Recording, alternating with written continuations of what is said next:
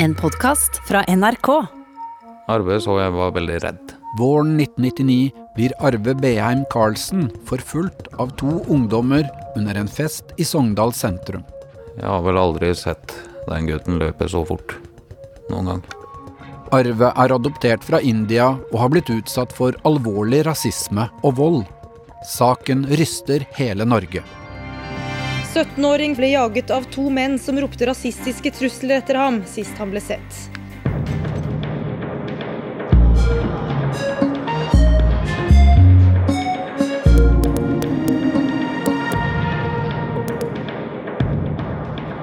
Du hører på hele historien Hva skjedde med Arve? Del to av to av Kristin Vestreim.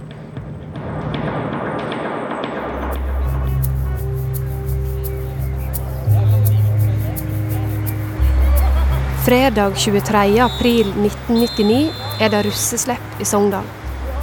Ungdommer fra hele fylket er samla. Store deler av festen foregår ute i gatene.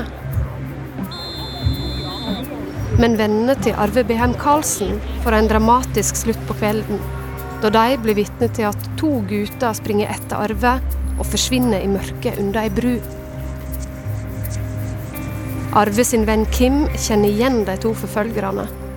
De tilhører en vennegjeng fra bygda Naustdal som har plaga Arve over lengre tid. Jeg sprang etter fordi at jeg Ja, jeg så for meg at, at Arve kom til å få juling. Nå er jo ikke jeg så veldig stor av meg, sånn at jeg hadde vel egentlig ikke hatt så veldig mye å stille opp med, jeg heller, men eh, Men en løper jo etter for, for å i hvert fall gjøre det en kan. På hi side av brua sitter to andre kompiser av Arve og spiller gitar. Herold Kråkenes. Vi oppfatta situasjonen når vi så eh, Arve sprang, så tenkte vi at her måtte vi stoppe en eventuelt slåsskamp. Herold og kompisen Frode følger etter. Men når de kommer ned under bilbrua der de andre sprang, er det helt mørkt og ingen å se. Bare brusinga fra den store elva er å høre. Når de kommer ut på andre sida, treffer de på de to forfølgerne. De spør hvordan det har blitt av Arve, og får til svar at de ikke nådde han igjen.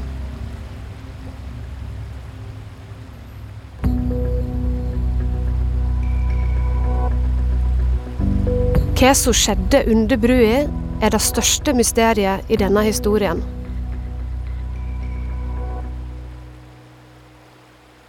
Der og da så, så tenkte jeg nok det at, at Arve hadde klart å løpe videre og komme seg vekk. Kim Berdal. Og, og i og med at vi ikke hører så mye mer, at han, ja, at han har kommet seg hjem på et vis. Men det gjorde han ikke. Og jeg husker jeg våkna, jeg, og så sjekka jeg om skoene hans var kommet, og jakken hans var kommet. Og det var det ikke. Da venter du og venter, og så blir du lei deg, og så blir du sinna. Hvorfor har ikke han ringt og sagt ifra? Hvor er han? Foreldre Kari og Lars er vant med at Arve gir beskjed når det er endring i planene. Lars hadde bursdag den 24. april, så vi ungene og jeg hadde kjøpt pakke til han, men så hadde vi lyst til å vente at han skulle få pakken før han Arve kom. Og vi hører ingenting. Litt utpå dagen setter de seg i bilen og kjører rundt til ulike kompiser av Arve for å sjekke om han kan være der. Det var ikke alle som hadde telefon, og sov gjorde de sikkert, men eh, vi ringte på og spurte hvordan er Arve. Og da eh, merka jeg med en gang, og det sa de òg, de fikk en veldig vond følelse. Kari får nå vite om jakten over brua kvelden før, og kompisene får vite at Arve ikke er hjematkommen. Så går det faktisk opp for meg at eh, da er Arve i trøbbel. Nå ser de det som skjedde nede ved elva natta før, med nye øyne. Det er for at uh, det ble konflikt med, med det jeg trodde som pleide å skje, og det som nå hadde skjedd. Så jeg ble veldig bekymra uh, med en gang. Usikre på hva de skal foreta seg, kjører Kari og Lars videre. De stopper for å fylle bensin. Da treffer man Arne på bensinstasjonen. Arne Johannessen. Mm.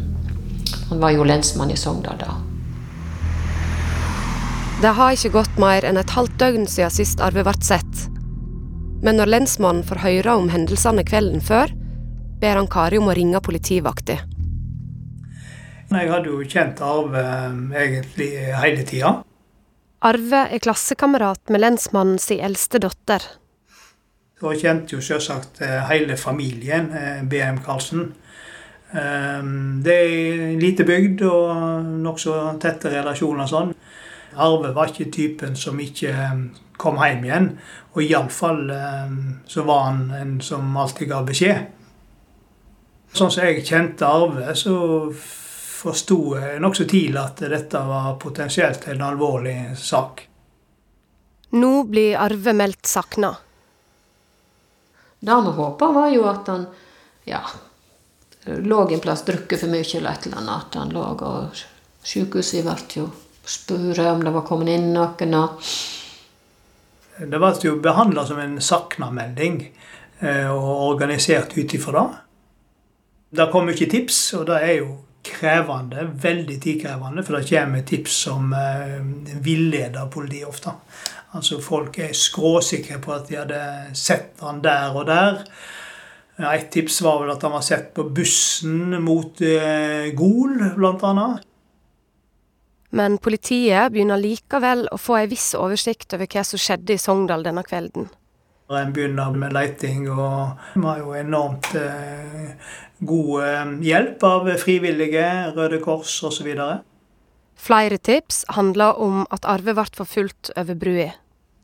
Og det er klart Når en begynner å få et sånt bilde, så vet jo eh, det konsentrert mer og mer om elva.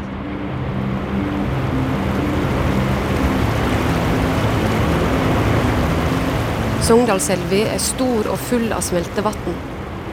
Kari og Lars har fått med seg slekt og venner for å leite etter Arve. De går nedover langs elva. Inni her så sa det Arve er i elva, jeg er ikke i tvil. Og husker hun venninna mi som gikk med, hun ville gå helt ned til Lerum, byggefabrikken. Og så sa hun nei, jeg kan ikke, jeg, jeg kan ikke gå lenger. For da, da sa her inni meg at her er Arve. Jeg greide ikke å gå helt.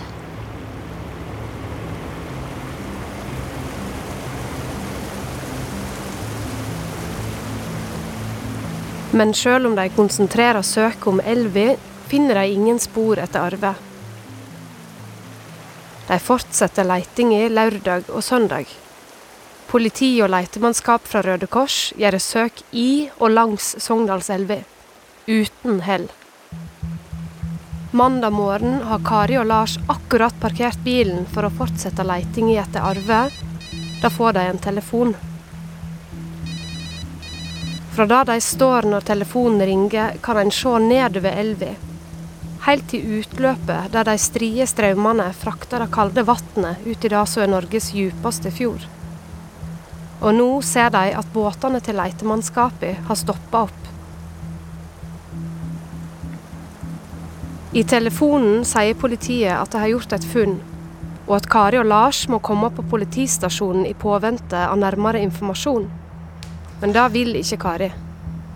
Jeg skal være med når det tar arve igjen. Det får ikke lov å røre arve før vi er der.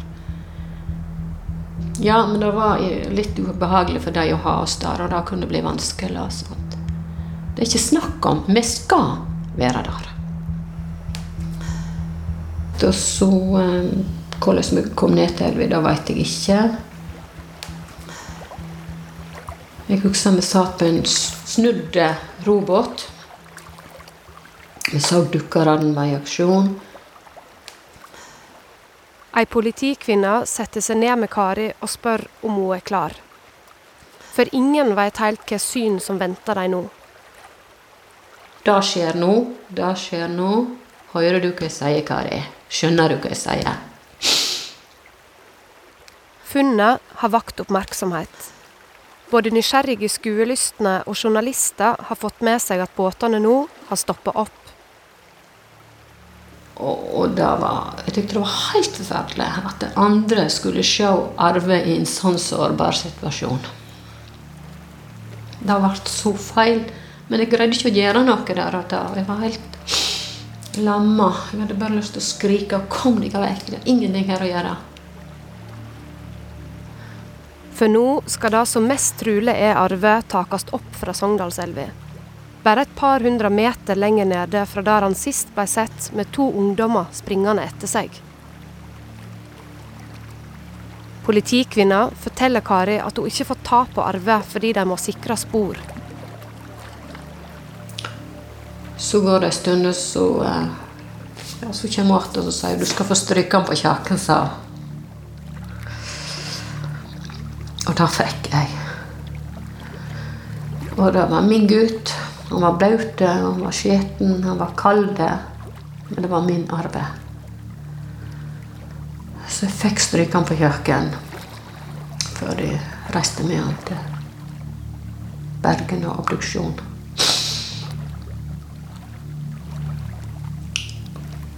Og så var det svart igjen. Så husker jeg ingenting.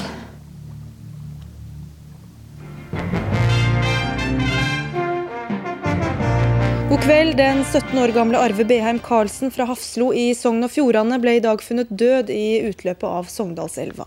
Den indiskfødte gutten ble sist sett fredag kveld da han ble jaget av to menn som ropte rasistiske trusler etter ham. På en pressekonferanse samme dag blir lensmann Arne Johannessen intervjua av NRK. Det vi vet, det er at eh, vitner har observert at eh, Arve Beheim Karlsen ble eh, trua, og det var nokså sprang etter han nedover langs elva. Eh, det er de siste sikre observasjonene vi har, og det var rundt eh, midnatt, litt før midnatt fredag. Politiet danner seg raskt en teori om at det kan ligge ei kriminell handling bak dødsfallet, og ber om hjelp fra Kripos. De to som sprang etter Arve, blir kjapt identifisert og kalt inn til avhør. Arve sin kropp blir sendt til Bergen på Gades institutt for obduksjon. Allerede dagen etter er det klart at han døde av drukning. Det er ingen tegn til ytre vold på kroppen.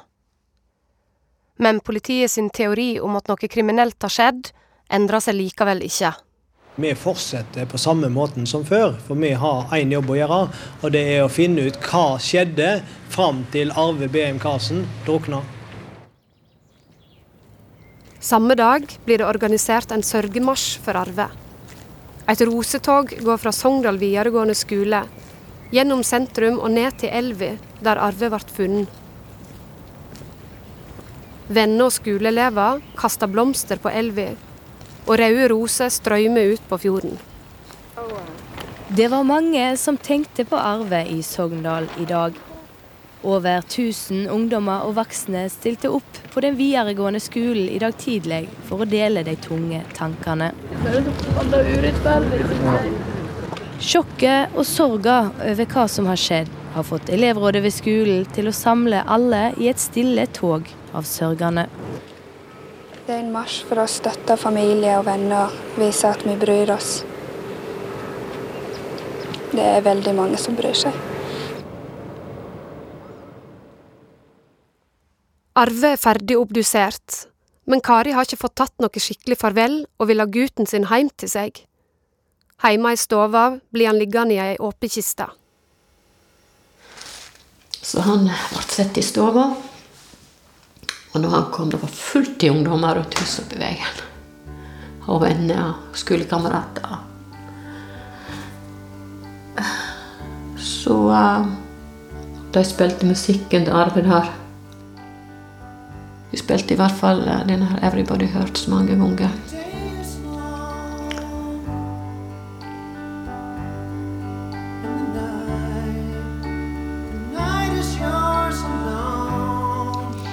Og Lars han eh, gikk inn til det. Han greide ikke å sitte her, så han gikk inn til det og greit i lag med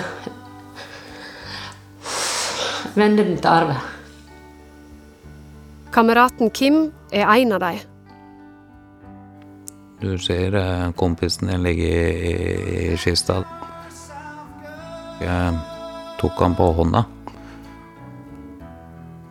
Det var bare veldig kaldt. Så jeg følte det lå, det lå en person der, men jeg følte ikke at det var Ja. Det var Arve, men det var ikke Arve. Samtidig var det jo godt å se han.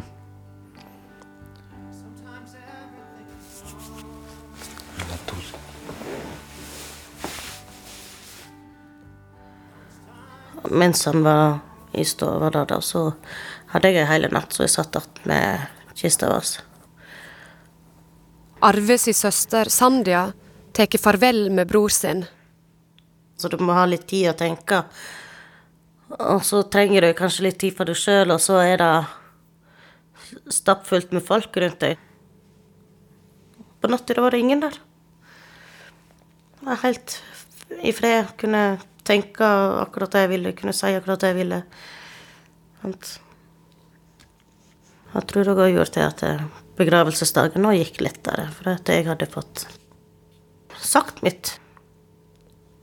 Mens venner og familie tar avskjed med Arve hjemme på Hafslo, har politiet jobba på spreng. To dager etter Arve er funnet, blir det tatt ut ei sikting. Politiet har i dag altså sikta to 17 år gamle gutter for drap med vilje eller forsettlig drap på Arve Beheim Karlsen i Sogndal. Politiet mener de to dytta eller kasta Karlsen i Sogndalselva. I mange måneder før Arve mistet livet i Sogndalselva, ble han rasistisk trakassert. Av en vi har valgt å kalle for Stian. Nå er han sikta for drap. Det samme er kompisen hans, en elev ved skolen Arve slutta på, og som Arve har nevnt i forbindelse med de som mobba han i Førde. De to 17-åringene stiller seg uforstående til drapssiktinga. Forsvarer Anders Folkmann.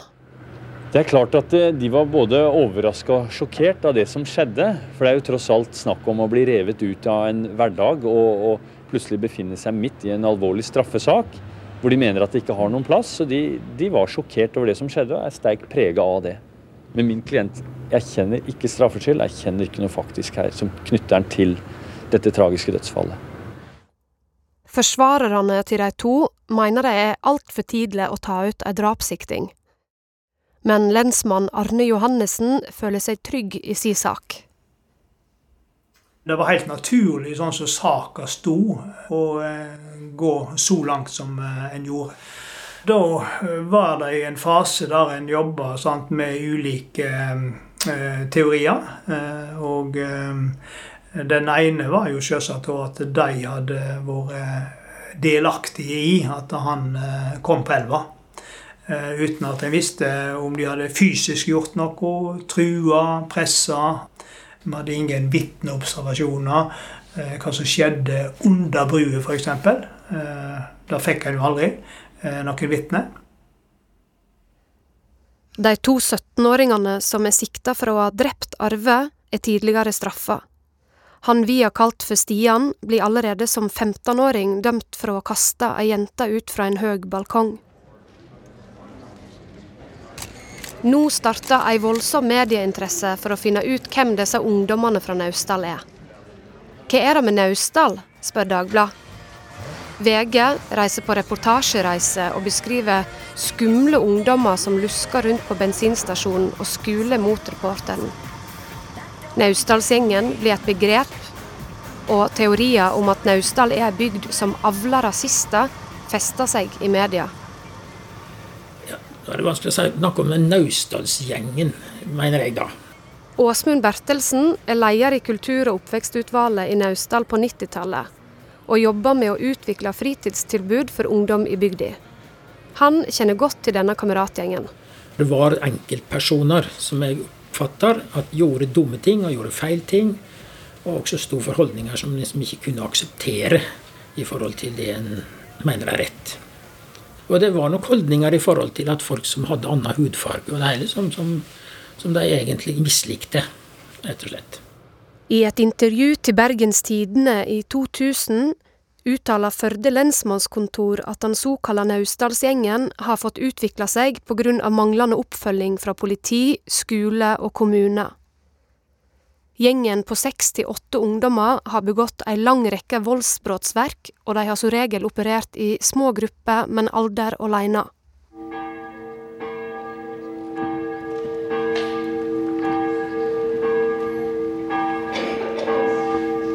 Arve Beheim Karlsen ble i dag gravlagd i Hafslo. Mer enn 600 mennesker møtte fram for å følge Arve til den siste hvilestaden.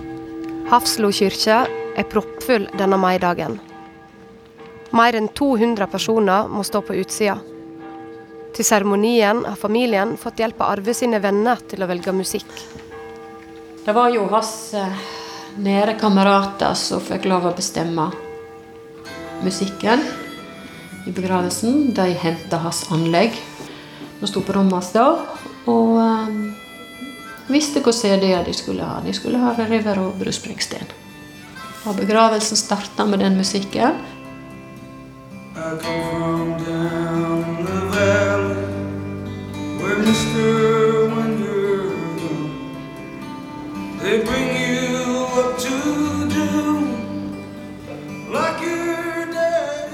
satt framme i koret med presten og satt òg. Frode dere videre? Og det var jo en, en låt som Arve hørte på mye sjøl, og som han var veldig glad i sjøl.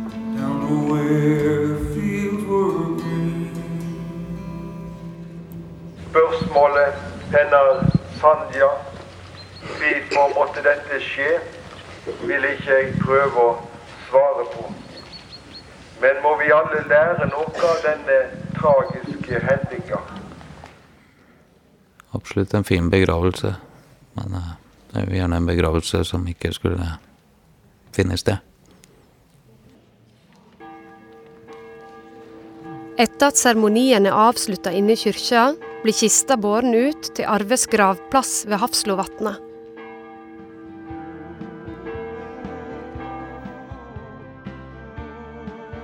I tiden etter begravelsen starter det som skal bli en lang kamp for rettferdighet for den gjenværende familien Behem Karlsen.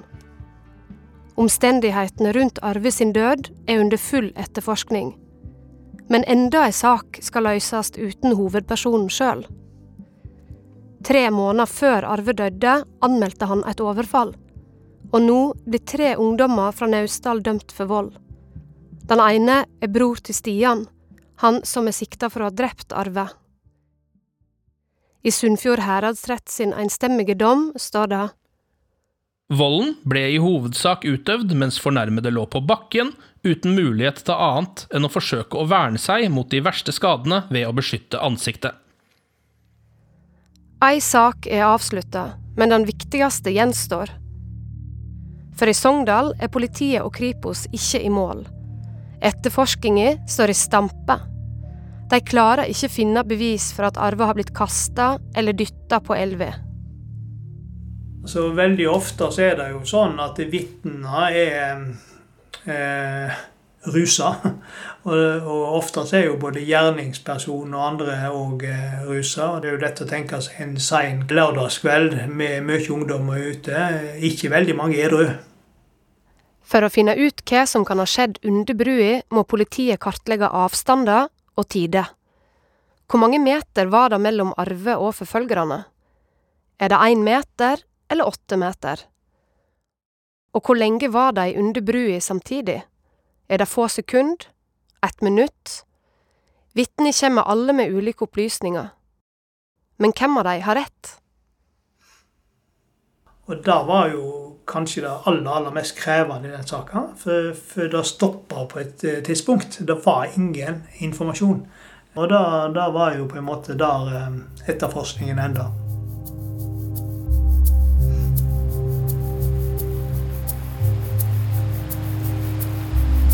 Har Arve Beheim Karlsen blitt kasta i elva?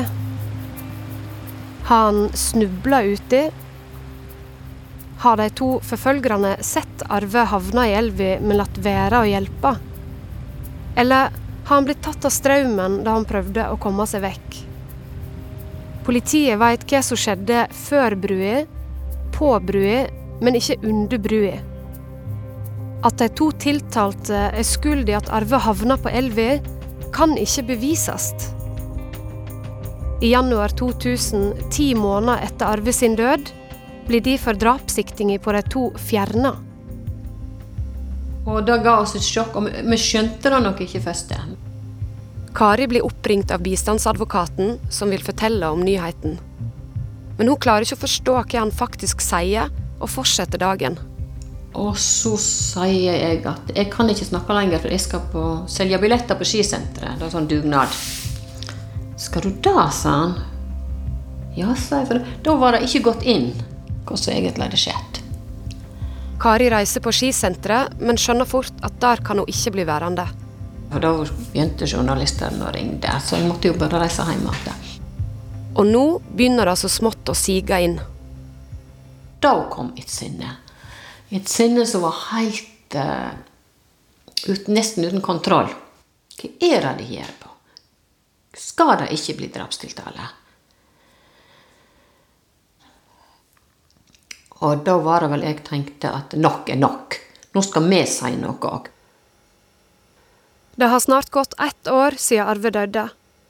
Og for første gang velger Kari og Lars nå å uttale seg til media. Nå er det bare alle andre som skal si noe.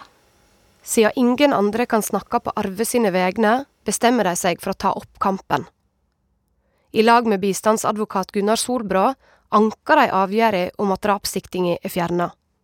For dem er det jo, og for de fleste andre vil jeg tro, er det jo veldig naturlig å se hele dette hendelsesforløpet i sammenheng. Altså det at han falt i elva skjedde ikke helt uavhengig av uh, legehjelpsfornærmelsen, ikke helt uavhengig av trusselen.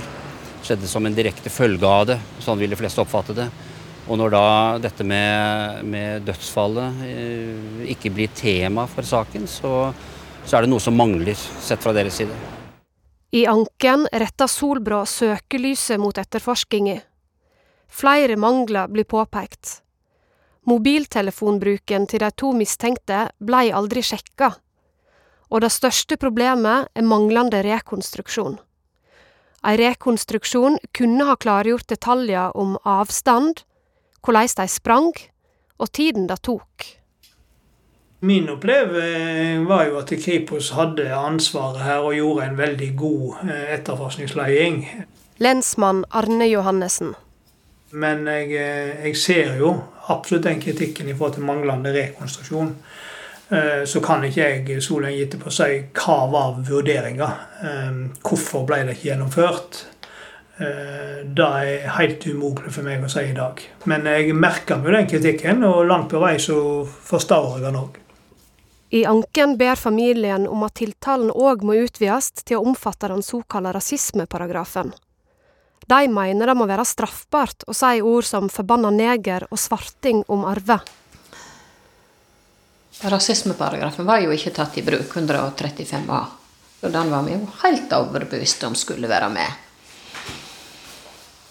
Så det var en kamp. Rasismeparagrafen handler om det å spre hatefulle ytringer i offentligheten. Men anken blir avvist. Bistandsadvokat Gunnar Solbrå er overraska. Man har ved ikke å ta rasismeparagrafen med, privatisert eh, rasismen. Sett det som et forhold mellom Arve og den som krenker ham. Og samfunnet har ikke gått inn og tatt et medansvar og sagt at dette angår oss. Det er det som sjokkerer meg her. Verken drapssiktinger eller rasismeparagrafen blir tatt med i tiltalen. Kun trusler og vold står igjen. Og nå skal det gå et helt år med brevveksling mellom familie og påtalemakt.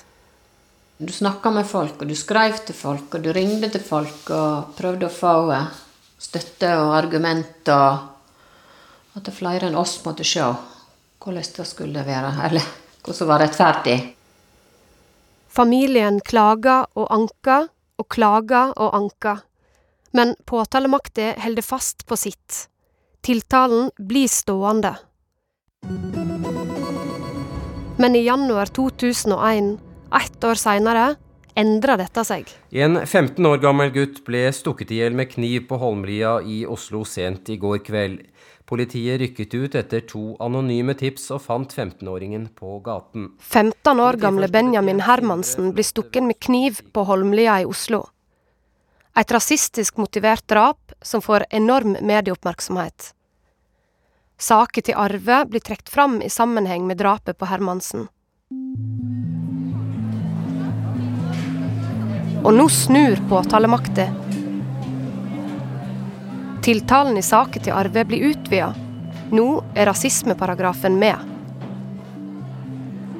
Populisme og antirasismehysteri, mener advokatene til de to tiltalte. Han kom jo tett etter Benjamin var drepen, og eh, det er klart at det var, det var spesielt. Det var det. Men jeg var jo kjempeglad, hvis jeg kan bruke det ordet, for at de tok ut tiltale. Og det er første gang i norgeshistorien paragrafen blir brukt i en slik sammenheng. Til tross for protester fra forsvarerne er tiltalen nå klar. Etter flere utsettelser starta rettssaken i mai 2001, to år etter Arve sin død. De to ungdommene som sprang etter Arve, er tiltalt for trusler og rasisme. Stian er i tillegg tiltalt for seks tilfeller av vold og trusler mot Arve. Begge de to tiltalte nekter straffskyld. Rettssaken pågår i to uker. Ingen av tiltalepunktene gjelder det som skjedde under broene. Aktoratet mener Arve flykta i redsel ned til elva med de to ungdommene etter seg. I et forsøk på å unnslippe havna han i elva og ble tatt av strømmen. Setningen 'jeg husker ikke' har vært den desidert mest brukte under vitneføringen. Gang etter gang har aktor vært nødt til å lese fra politiforklaringene for å få ungdommene på sporet. Forsvaret på si side mener dette er spekulativt, og at Arve i teorien kan ha havna i elva på et seinere tidspunkt. År og en måned etter de dramatiske hendelsene er mysteriet like stort som da Arve var funnet død. Stian forklarer at han ikke er rasist, men at han mislikte Arve som person. Han sier at han ikke mener noe spesielt negativt med å bruke ord som neger og svarting, og nekter for at han har utført rasistiske handlinger mot Arve. ved skolen i Førde påstandene. Visste ikke. Jeg visste ikke noe om mobbingen før samme dag vi skulle ha dette møtet. Advokaten for familien har flere ganger kritisert politiet. 12.6 blir dommen lest opp for en fullsatt sal i Indre Sogn heradsrett.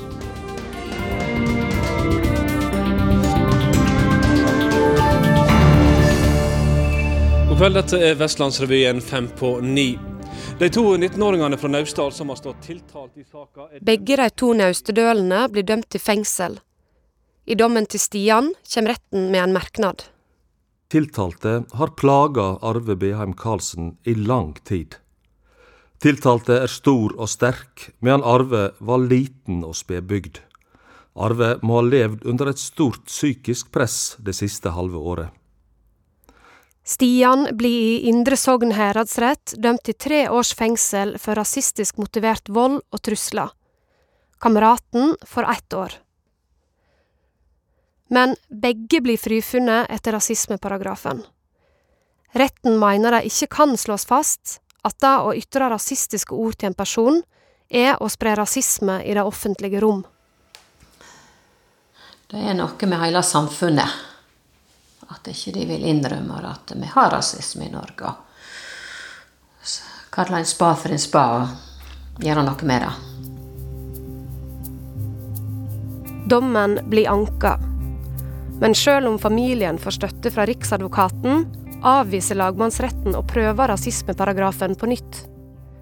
Det blir ingen ny runde, og saka stopper der. Arve Schravan Beheim Karlsen ble bare 17 år.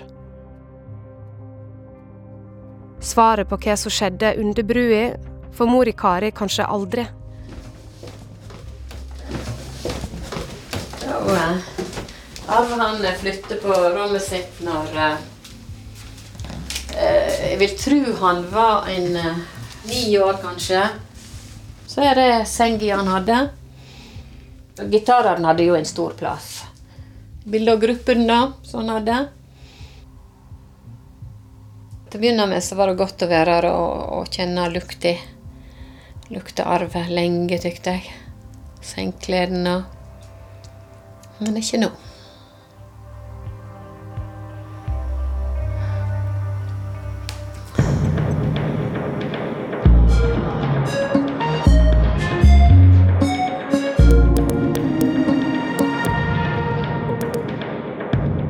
Du har hørt andre og siste del av Hva skjedde med Arve Beheim Karlsen av Kristin Vesterheim.